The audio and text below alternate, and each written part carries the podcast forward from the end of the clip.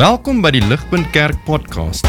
As Ligpunt Gemeente is dit ons begeerte om God te verheerlik deur disippels te wees wat disippels maak en 'n kerk te wees wat kerke plant.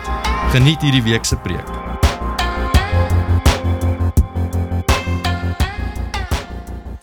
Vriende, ek wil begin met 'n storie wat ek wil vertel. Dit is 'n storie van ehm um, van die van die ontstaan van twee van die bekendste en oudste universiteite in Amerika van Harvard University en van Yale University.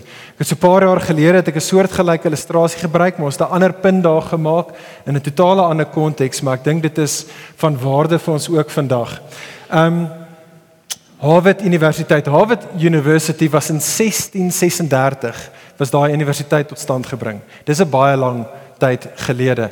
En baie mense besef dit nie maar toe Harvard tot stand gebring het, was dit oorspronklik totaal en al geheel en al 'n Christen instelling gewees. Kyk gou vinnig saam met my op die skerm. Op die skerm het mense die embleem aan die linkerkant, is dit nog tot vandag toe 'n embleem en en en en dit lees die woorde daar's die woorde in Latyns veritas. Veritas wat beteken waarheid.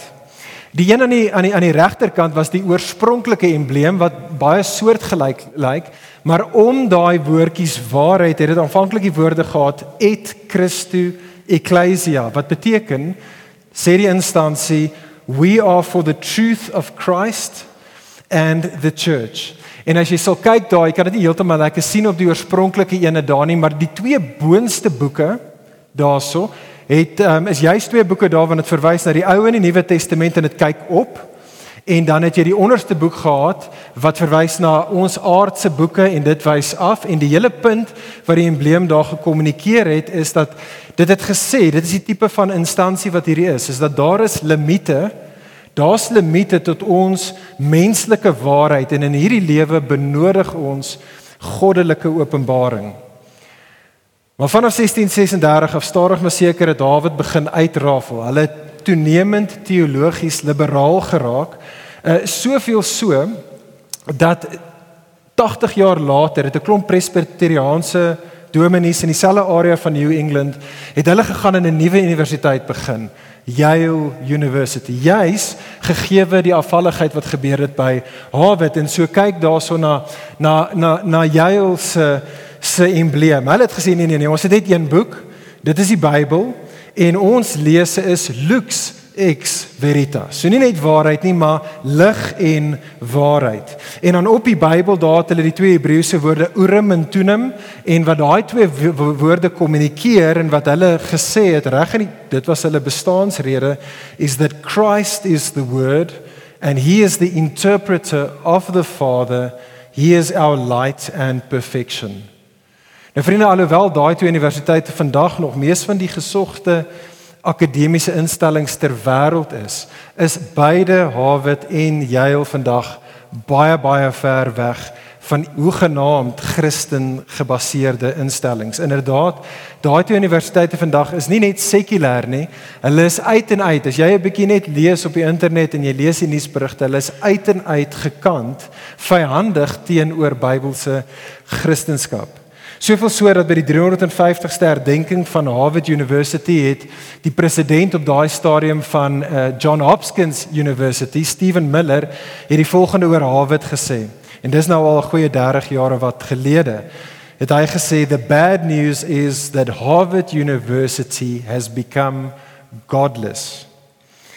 En vriende, ek verwys daarna vanoggend want ek dink hierdie twee, die stories van hierdie twee universiteite is 'n behulpsame illustrasie vir jou en vir my om vir jou en vir my te herinner dat in hierdie lewe help dit nie dat die Bybel op 'n teoretiese vlak of op 'n oppervlakkige manier vir ons belangrik hoog geag word nie. Dit help nie dat die Bybel is eers op jou embleem of eers op jou webwerf of eers is hy besig om stof te vergader langs jou bed nie. Dit help nie.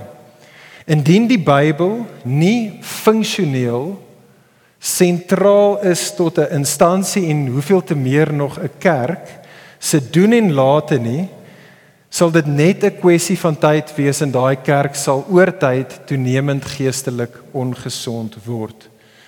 En dit is wat ons vandag oor wil nadink. Ons wil vandag jy's hieroor nadink en ons wil onsself afvra oor wat beteken dit? En hoe sal dit lyk vir 'n gemeente om nie net in teorie nie, maar in praktyk woordgesentreerd te wees?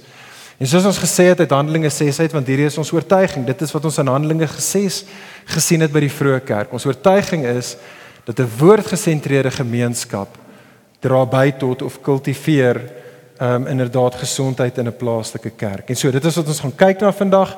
Ons gaan vandag kyk en julle kan daai blaadjies byderhand hou daar voor julle. Ons gaan daai teksgedeeltes kyk aan die hand van twee opskrifte. Ons gaan saam dink oor ehm um, oor die oortuigings, die oortuigings van 'n woordgesentreerde geloofsgemeenskap en dan tweedens die optrede van 'n van 'n woordgesentreerde geloofsgemeenskap. OK. So eerstens dan die oortuigings van 'n woordgesentreerde geloofsgemeenskap. Kyk saam met my daarna 2 Timoteus 3. Ons gaan nou fokus daarop vers 14 tot 17. Hou jou blaadjie byderhand asseblief. Kyk daarsom. Baie vinnig net die konteks voordat ons inspring daar in daai versies. Dis belangrik. Paulus is letterlik in die laaste maand of so van sy lewe. Hy's in die tronk in Rome. Hy gaan nou ter dood veroordeel word. En soos wat hy klaarmaak met sy lewe en sy bediening, oorhandig hy die aflosstokkie aan Timoteus. Timoteus is in die kerk, is hy die leraar op hierdie stadium van 'n kerk in Efese. En so Paulus is besig om hom aan te spoor. Dit is treffend. As jy deur 2 Timoteus lees om te sien hoe totaal en al Paulus wil hê Timoteus moet verstaan dat Timoteus se bediening moet woordgesentreerd wees. Kyk saam met my op die skerm, 'n baie belangrike versie in 2 Timoteus hoofstuk 2 vers 15. Paulus sê vir Timoteus, Timothy, do your best to present yourself to God as one approved, a worker who has no need to be ashamed, rightly handling the word of truth. En so hy sê Timoteus, daar's 'n manier wat jy kan bediening doen, maar wat jy gaan skaam wees eendag oor jou ministry. En ek wil nie hê dit moet waar wees van jou nie. Daai woordjies daar, rightly handling the word of truth, is letterlik daar's in die oorspronklike taal is die woord om die woord reg te sny. En die illustrasie, die taal wat Paulus daar gebruik is die van 'n bouer wat hout moet sny of metaal moet sny of die steen moet sny soos wat hy besig is om 'n gebou te bou. Paulus sê vir Timoteus, jy wil nie hierdie geloofsgemeenskap bou en jy sny die woord skeef en op die einde dan staan dit ding so ten beste en jy gaan skaam wees of die hele storie val in mekaar nê. En so jy het nodig om die woord um reg te hanteer. Maar wat is daai oortuiging wat Paulus mee kom soos wat hy vir Timoteus roep tot 'n woordgesentreerde ehm um, bediening. Waar kyk saam met my nou? Ons is in vers 14 tot vers 17 van hoofstuk 3. Drie oortuigings wat Paulus het met betrekking tot God se woord. Die eerste ene is wat die woord is. Dis sy eerste oortuiging met betrekking tot wat die woord is. Kyk saam met my vers 15. Paulus verwys daar in vers 15 na die sacred writings, noem hy dit, wat Timoteus van jongs af sê hy geken het van kleins af. Vers 16 beskryf Paulus daai sacred writings, daai heilige geskrifte as scripture. Nou dis belangrik vir ons om te verstaan oorspronklik primêr wat Paulus daarna verwys is die Ou Testament. Dit is die Ou Testament wat Timoteus van jongs af geken het en mee groot geword het. Maar dit is treffend vir ons, dit is totaal en al eintlik skokkend as jy daar dink, dat in die res van die Nuwe Testament in tekste soos 2 Petrus hoofstuk 3 vers 16 kom Petrus en Petrus verwys na Paulus se briewe ook as presies dieselfde woord scripture. Petrus sê dat Paulus se briewe is graphai, dis die woord hierso. En dit is waarvan van sy van sy boeke ten minste ook in die Nuwe Testament. En vriende, hier's die punt. Van die begin van die ontstaan van die kerke is dit nog altyd in behoudende sirkels ten minste is dit God, Jesus se disippels se bankvaste oortuiging dat die Bybel, beide die Ou Testament en die Nuwe Testament, is sacred writings. Dit is 'n goddelike geskrif. Dit is, kyk op vers 16, it is breathed out by God. En daai is belangrik. In party van jou vertalings, jy sien dit in die Afrikaans vertaal dit so en party Engelse vertalings sê vers 16 daar dit is geïnspireer. Maar ek dink nie die woord inspireer is altyd behulpsaam vir die moderne oor nie, ten minste nie vir my nie. Mozart se 7de simfonie was inspired geweest. Jy weet Da Vinci se Mona Lisa, dis dit is inspired. Maar dit is nie wat dit is nie wat Paulus hier bedoel nie. Nee, die woord letterlik daar is dat die skrif is God se asem, letterlik. Dit sê die skrif is God se asem. Wat natuurlik die punt probeer maak met Ou Testamentaal dat die Bybel, die woord, die Ou Testament en dis ook die Nuwe Testament is inderdaad kom vanaf God af. Dit kom in God se gesag en dit kom as God se asem. Daai woorde kom vanaf God die Heilige Gees af. Woord asem en gees deur die Bybel is dieselfde konsep. En so dit kom vanaf die Gees af. Dit is God se woord, dit kom in sy gesag. En dit is wat wat hier gesê word. Inderdaad, die res van die Nuwe Testament maak dit duidelik, ja, dit is normale mense soos ek en jy, net soos ek en jy wat die Bybel gepen het. Hulle was net normale gebroke mense soos ek en jy. Maar 2 Petrus 1 vers 16 tot 21 sê meegevoer deur die Heilige Gees het mense die woorde uitgespreek wat van God afkomstig is. Julle sien as ek vandag vir julle moet sê, hoorie, ek het vir ons goeie nuus, uh ligpunt. Ek het vanoggend 'n brief wat president Ramaphosa vir ons hier by Ligpunt geskryf het, dan waarborg vir jou het niemand op lang naweek gegaan nie. Almal was hier, almal het op die voorkant van hulle stoele regop gesit om te kan hoor soos wat die president van ons land spesifiek met jou en my praat. En vriende, ek en jy het nodig om vir mekaar heeltyd oor in te sê ek en jy het soveel beter as dit. Ons het soveel soveel beter as dit. Die Skepper van hemel en aarde praat met jou en my. Elke keer deur sy woord en veral soos wat ons so saamkom.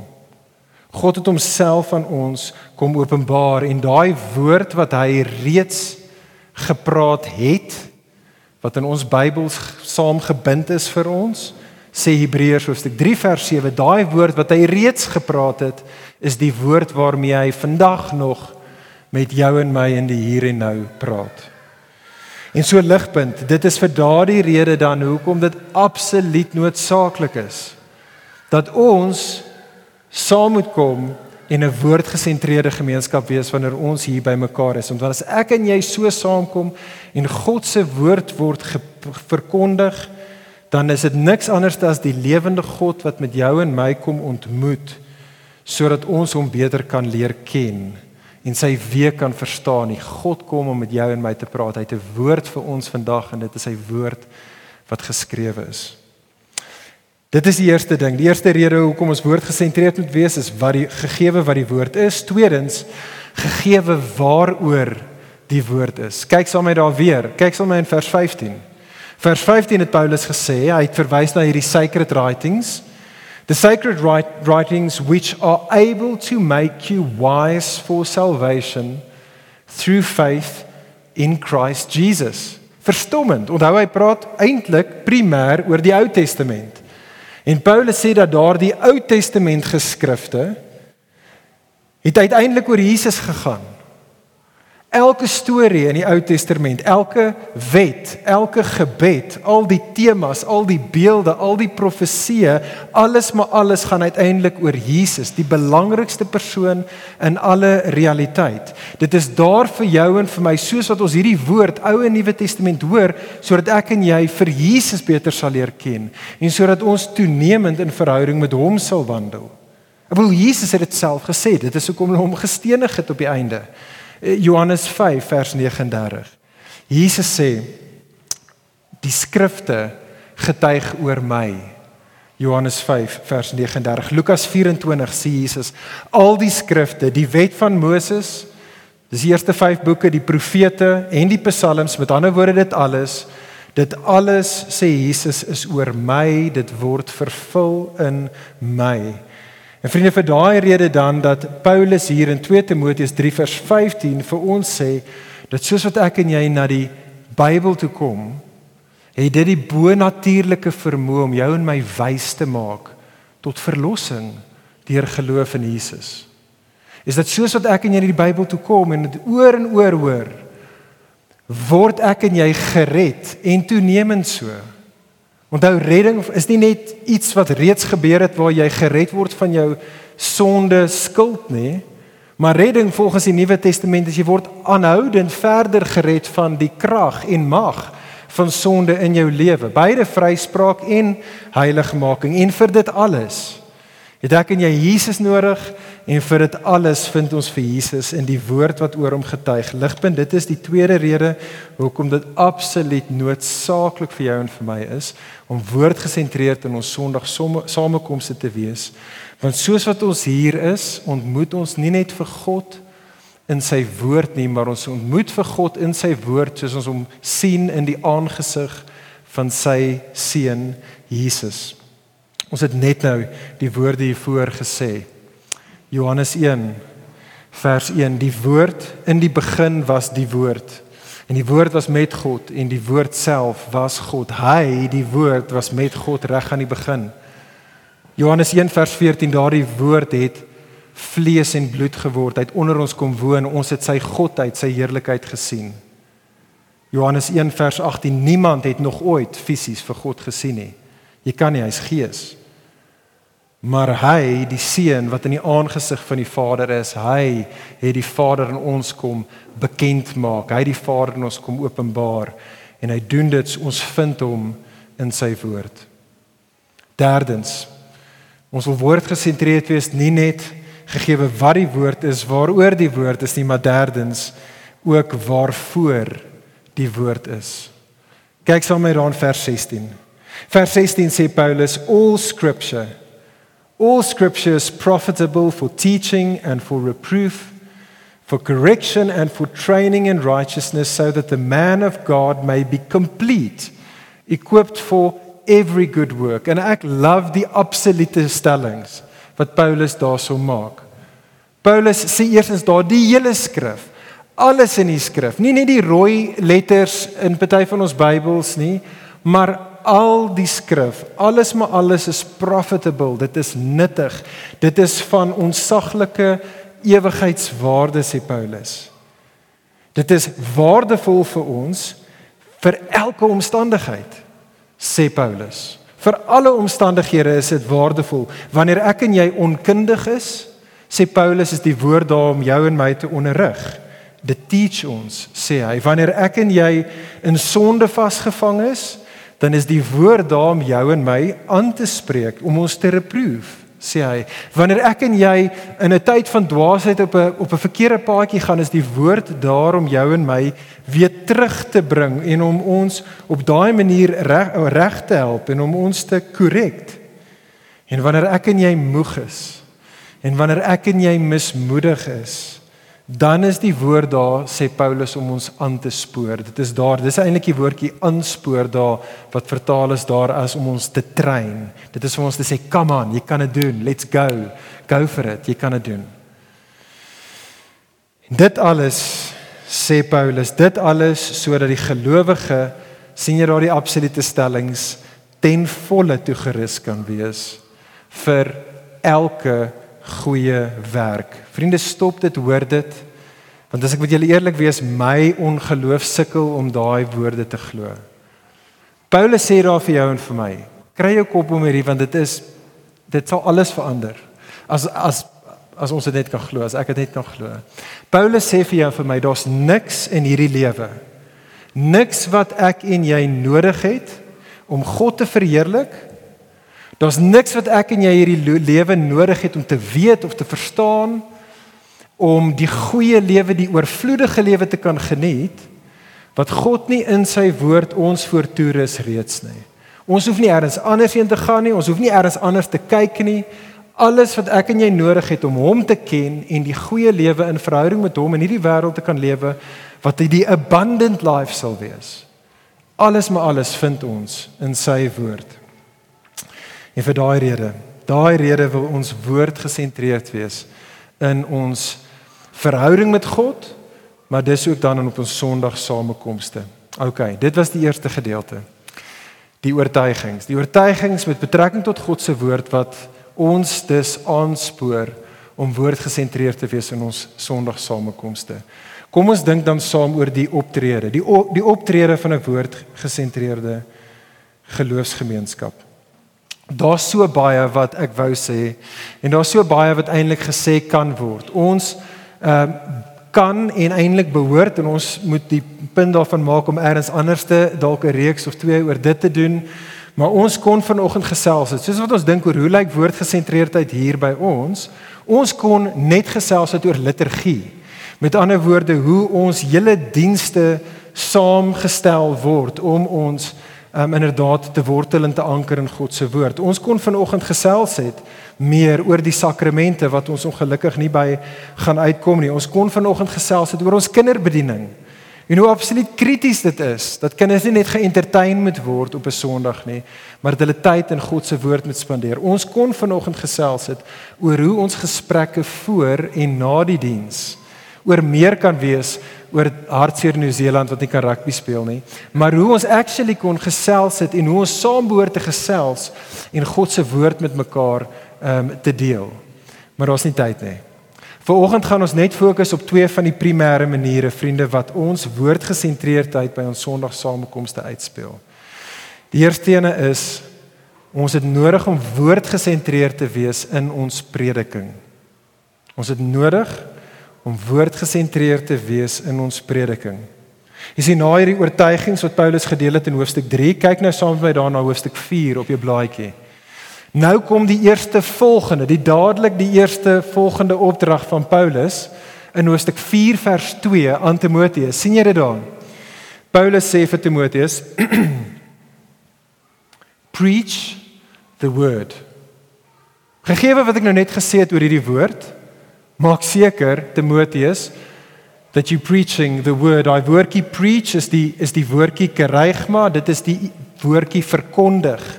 Dit is die woordjie kondig aan. Die prentjie, hier is die prentjie wat jy voor oë het. Jy het hierdie ou in die antieke wêreld, hy kom op sy perd by die village aan en dan maak hy sy sy uh ek weet nie wat nie, is nie 'n scroll nie, maar sy sy aankondigingspamflet oop en die hele dorp staan daarso. En dan wat daai ou doen daarso is hy's nie besig om vir die ouens in die dorp hierdie boodskap van of die koning te sê, "Hey, hoor jy, ek het vir julle so baie nice nuus voorstel." Ehm um, ek jy weet iets soos dit. Hy's nie besig om 'n TED talk te gee nie. Wat jy eerder daarso het is hy's besig met kareigma. Hy's besig met 'n aankondiging. Hy sê so sê die koning. En Paulus sê vir Timoteus, dit is jou verantwoordelikheid. Dit is wat nodig is in 'n geloofsgemeenskap. Die verkondiging, die aankondiging van God se woord. Paulus sê daarso, kyk saam met my, ek wil hê julle moet dit sien. Paulus sê verkondig die woord vers 2 in season and out of season. Met ander woorde wanneer dit populêr is en wanneer dit nie populêr is nie, wanneer dit tydig is en wanneer dit nie tydig is nie. 'n Verkondig hierdie woord met pastorale wysheid. Sê Paulus daai sê reprove and rebuke and exhort with complete patience and with teaching. Met ander woorde vir die wat skepties is, moet daai woord wat verkondig word kom met 'n argument om die skeptiese ou te kan help vir die persoon wat in sy of haar sonde vasgevang word, het daai woord nodig om op tye daai persoon aan te spreek.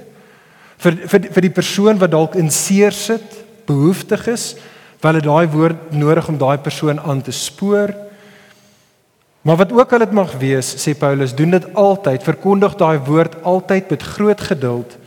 En soos wat jy dit verkondig, maak seker it's with teaching sê dat dat jy verduidelik. Jy sê nie net vir ouens hierdie is wat die koning sê nie, maar verduidelik vir hulle. Verduidelik vir hulle hoekom die koning so sê.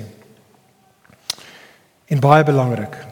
Baie belangrik. Paulus sê vir Timoteus, doen dit alles, verkondig die woord gegee die realiteit van die twee audiences. Die twee gehore voor wie jy preek. Vers 1 sê Paulus, Timoteus onthou, preek die woord want onthou God. Onthou die teenwoordigheid van God hou in sy gees en eendag as Jesus terugkom, God in lewende lywe. Vers 1, I charge you in the presence of God and of Christ Jesus who is to judge the living and the dead, preach the word. Preek die woord want God is teenwoordig, sê Paulus. Maar dis nie net hierdie audience nie, hoekom jy die woord moet preek nie, maar ook horisontaal. Kyk also vers 3. Paulus sê preek die woord want Timoteus, jy gaan lewe in 'n samelewing, jy gaan lewe in 'n wêreld en in 'n tyd waar mense nie gesonde leer sal verdra nie. Paulus sê jy lewe in 'n tyd en 'n plek waar mense met hulle eie sondige begeertes gaan wil justify hoekom hulle eintlik kan doen wat hulle wil doen en 'n mense gaan wees wat hulle eie begeertes gaan wil voed en so wat hulle gaan doen sê Paulus is dat mense gaan nie op hul kerk toe gaan nie. Hy sê hulle gaan nog steeds kerk toe gaan maar al wat hulle gaan doen is hulle gaan hulle puppet preachers kry wat vir hulle gaan presies sê wat hulle jekkerige ore eintlik reeds glo en eintlik van hou en as 'n ou dit net nie sê nie aan werk hulle hom uit sodat op die einde net kan kry presies wat hulle wou gehad het. En Paulus sê vir Timoteus, Paulus sê vir jou en vir my moenie dit doen nie. Nee, preek die woord juis omdat daar so 'n hongersnood in die land is van die woord wat gepreek moet word. En vriende, ek wil dit vir julle sê, ek het met 'n skoon gewete vir julle sê dat hierdie opdrag van Paulus lê reg by die hart van Ligpunt se bedieningsfilosofie. Dit is wat die 'n groot rede hoekom Ligpunt aanvanklik geplant was. Hierdie is ons begeerte en ons inslag by Ligpunt en by ons Sondagsomekomste. Ons het 'n begeerte, ons het 'n begeerte. Ons kry dit baie keer nie reg nie, maar ek kan met eerlike reine waarheid sê dit is ons begeerte. Ons wil die woord van God hier verkondig. Dit is hoekom ons by Ligpunt primêr primêr probeer om boeke van die Bybel te vat en deur hulle te preek. Beide Ou Testament en dan Nuwe Testament en dan terug Ou Testament toe en dan Nuwe Testament. En ons vat 'n boek en ons werk van begin hierom want dit help beide ek wat die preker is, maar ook of die ander wat die predikers is en ook die gemeentelede dat ons nie net daai gedeelte skiep wat ons eintlik wens nie daar was nie. Kom ons wees eerlik, ons almal het net daar's 'n gedeelte jy dink Ek wens regtig hierdie was nie daar nie. Maar dit is nou die volgende gedeelte. So nou moet ons dit preek. En ek dink dis 'n goeie ding. Ek dink dit is hoekom dit goed is om deur boeke van die Bybel te preek. Dit is hoekom ons eksegeties preek hier by Ligpunt. Eksegese beteken bloot dat ons wil altyd God se woord oopmaak. Ons wil sien wat sê dit? Wat sê die teks in sy spesifieke konteks sodat ons dan mekaar kan aanspoor in die lig van dit.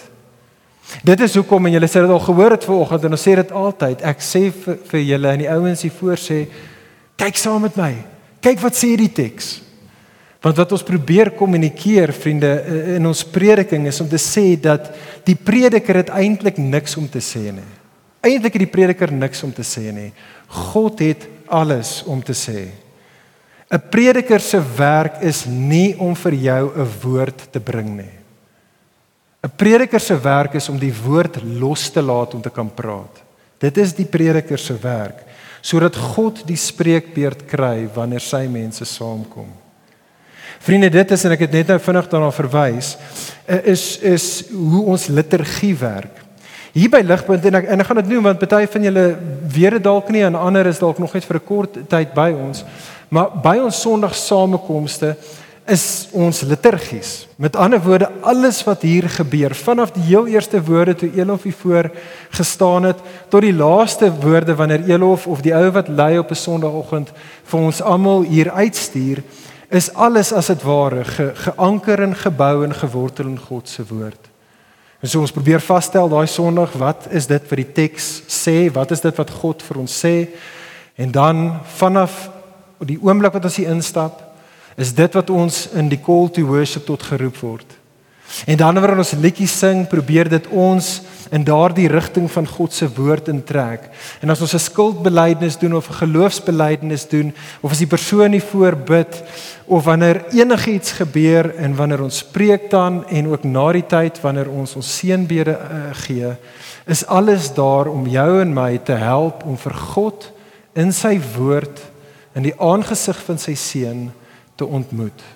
Dit is hoekom ons doen wat ons doen. Prys die Here vir ons span van Natalie en ek weet Stefan en Shanay hulle wat help sodat ons juis op daai manier ons Sondag samekomste kan hê. Ons dank die Here vir hulle. Vriende, maar ek wil dit wel sê, laaste ding en dan gaan ons aanbeweeg. Dalk is jy vandag hier as 'n kuiergas en jy's op pad hier na terug na jou plaaslike gemeente toe. Dalk is jy ehm um, op pad om te immigreer Hoopelik nie, bly hierso. Dis lekker in Suid-Afrika. Ehm um, maar wat ook al dit is, kan ek jou aanspoor en selfs waarsku want ek dink hierdie gedeelte van Paulus is 'n waarskuwing. Kan ek jou waarsku Christen Pas op indien 'n prediker vir jou 'n woord bring in steede van die woord. Dit moet jou skepties los, dink ek. Pas op indien jy met alles altyd saamstem wat die prediker sê. As jy hou van alles wat hy sê, is dit nie 'n goeie ding nie. Waar ook al jy is, gaan daar goeters moet wees op tye wat jy nie 100% mee gaan saamstem nie. Pas op daarvoor as die prediker jou net exalt, soos in die gedeelte, daar's net aansporing. Dis net dis net positiewe nuus altyd, maar daar's geen reproof en daar's geen rebuke nie. Pas op daarvoor. Want sê Paulus, kyk weer aan vers 4, daar's baie wat in kerke sit wat dit kry, maar wat Paulus sê, they busy turning away from listening to the truth and they actually wandering into myths in mensgemaakte godsdiens. En so ons wil woordgesentreerd in ons prediking by ligpunt wees. Mag dit waar wees van ons. Mag die Here ons genadig wees in dit. Hier's die laaste, die laaste punt wat ek vir ons wil wil uitbring is ons wil ook woordgesentreerd wees in ons musiekbediening. OK, en ek wil ek wil lees met vir 'n oomblik daar gesels. Julle daar op julle blaadjies, daai ander gedeelte daar in Kolossense 3. Ons gaan net fokus op vers 16. Julle behoort dit ook op die skerm hier agter my te sien. Kolossense 3 vers 16 sê die volgende: Paulus, nog steeds Paulus en hy praat, hy sê let the word of Christ dwell in you richly teaching and admonishing one another in all wisdom, singing psalms and hymns and spiritual songs with thankfulness in your hearts to God. Vinnig die konteks, dis belangrik hier voordat ons die versie lekker gaan uh, wil kan inkom, maar Paulus praat hier met hierdie kerkie in moderne uh, vandag in Turkye en Kolosse. En die probleem in die kerk daar's is daar's hierdie valse leraars. Die valse leraars sê vir die ouens, hierdie is hoe spirituality lyk. Like. Spirituality is om baie godsdienstige mensgemaakte tradisies en reëls te onderhou of spirituality lyk like deur 'n klomp geestelike ervarings te beleef en as jy hierdie goeders doen, as jy baie spiritual. In Kolossense 3 kom Paulus en Paulus sê nee, Kolossense 3 is dit is nie ware spirituality nie. Hierdie is hoe dit lyk. Like. Kolossense 3 vers 1 tot 4, jy kan in jou Bybel check as jy dit daar het. Kolossense 3 vers 1 tot 4 sê ware spiritualiteit bly gefokus op Jesus in geloof en onthou dat ons as gelowiges is altyd mense wat verenig is met Jesus. Ons is verenig in Jesus se dood en in sy opstanding, hy wat nou regeer en hy wat terugkom. En ons werk is om mekaar te herinner dat ons is een met Jesus. En dan in vers 5 tot vers 17 gaan Paulus aan in ons gedeelte en hy sê en ware spiritualiteit is dan 'n mense wat mekaar dan aanspoor soos wat hulle probeer om Jesus in hulle lewe te vergestalt. Hulle is mense wat heeltyd wegdraai van al daai goeters wat nie ons in Jesus se lewe sien nie. In geloof en bekering draai hulle weg van daai gesindhede en daai gewoontes En omdat hulle in Jesus is, trek hulle heeltyd Jesus se gesindheid en Jesus se manier aan in hulle lewe om Jesus nou in hierdie wêreld te verteenwoordig en te vergestaal. En die vraag is wat gaan vir ons die petrol gee om dit te kan doen? Om heeltyd vir Jesus voor oë te kan hou sodat ons toenemend soos Jesus kan begin lewe en lyk. Like. Wat gaan vir jou en vir my die petrol gee? Kolossense 3 vers 16. Let the word of Christ dwell in you corporately.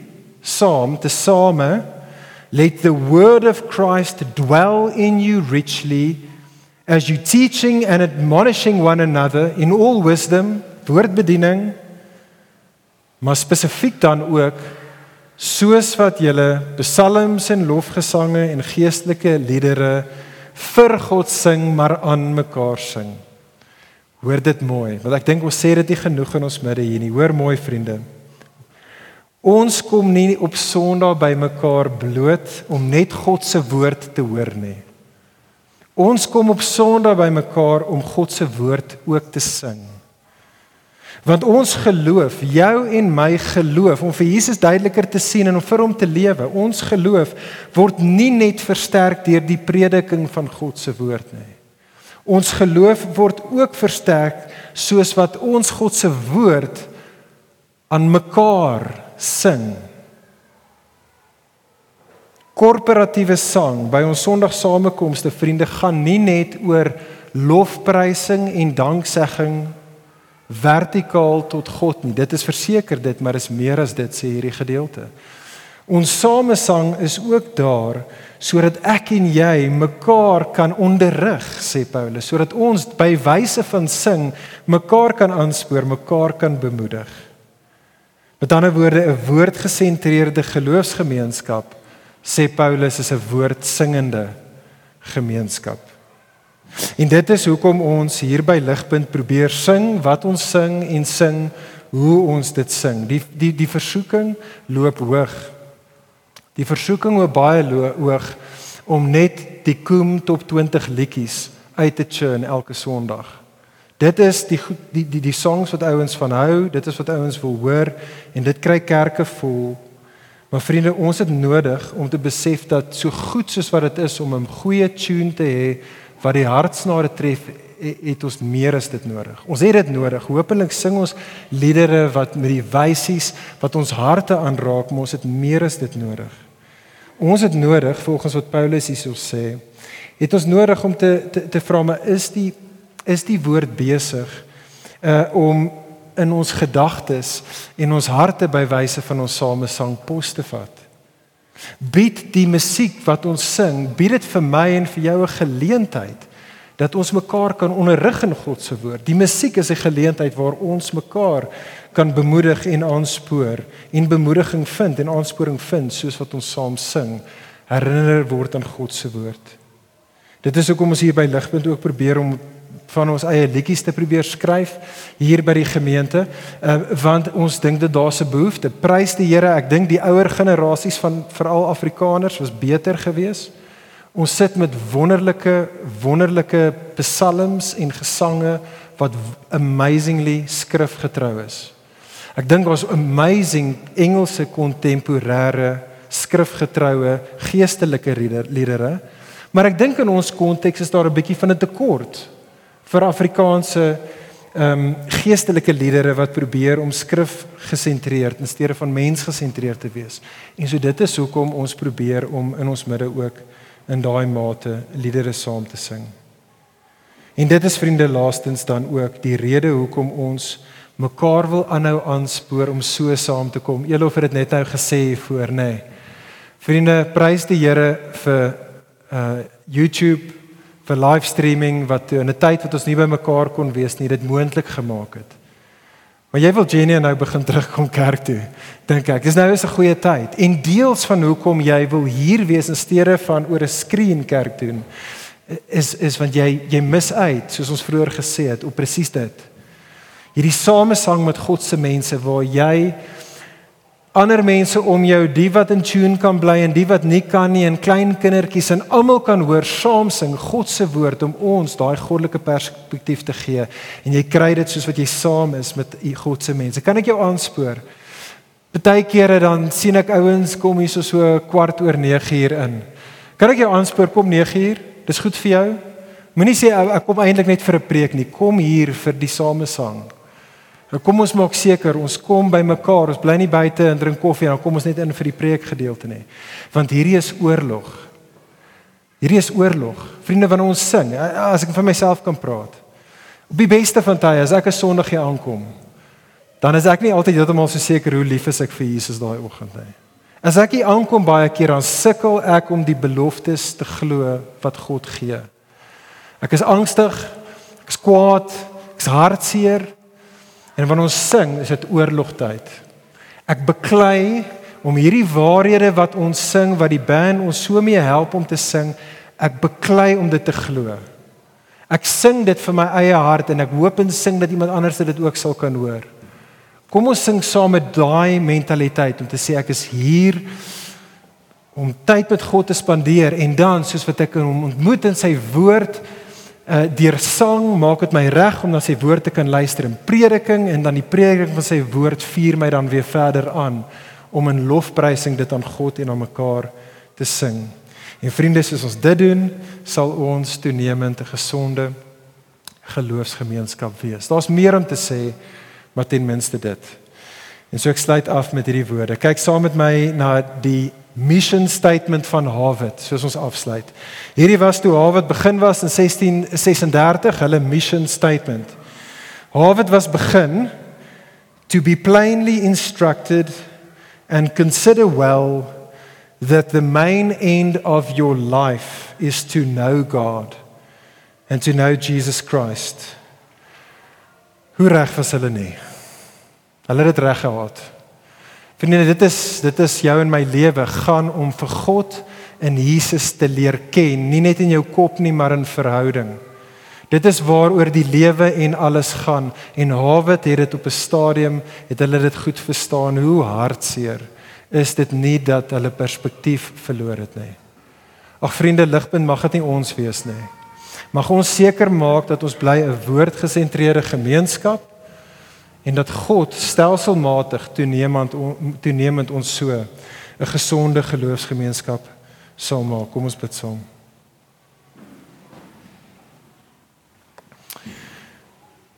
Ja, Hemelse Vader, ons wil na U toe kom en ons wil bely dat die wysheid van hierdie wêreld van ehm um,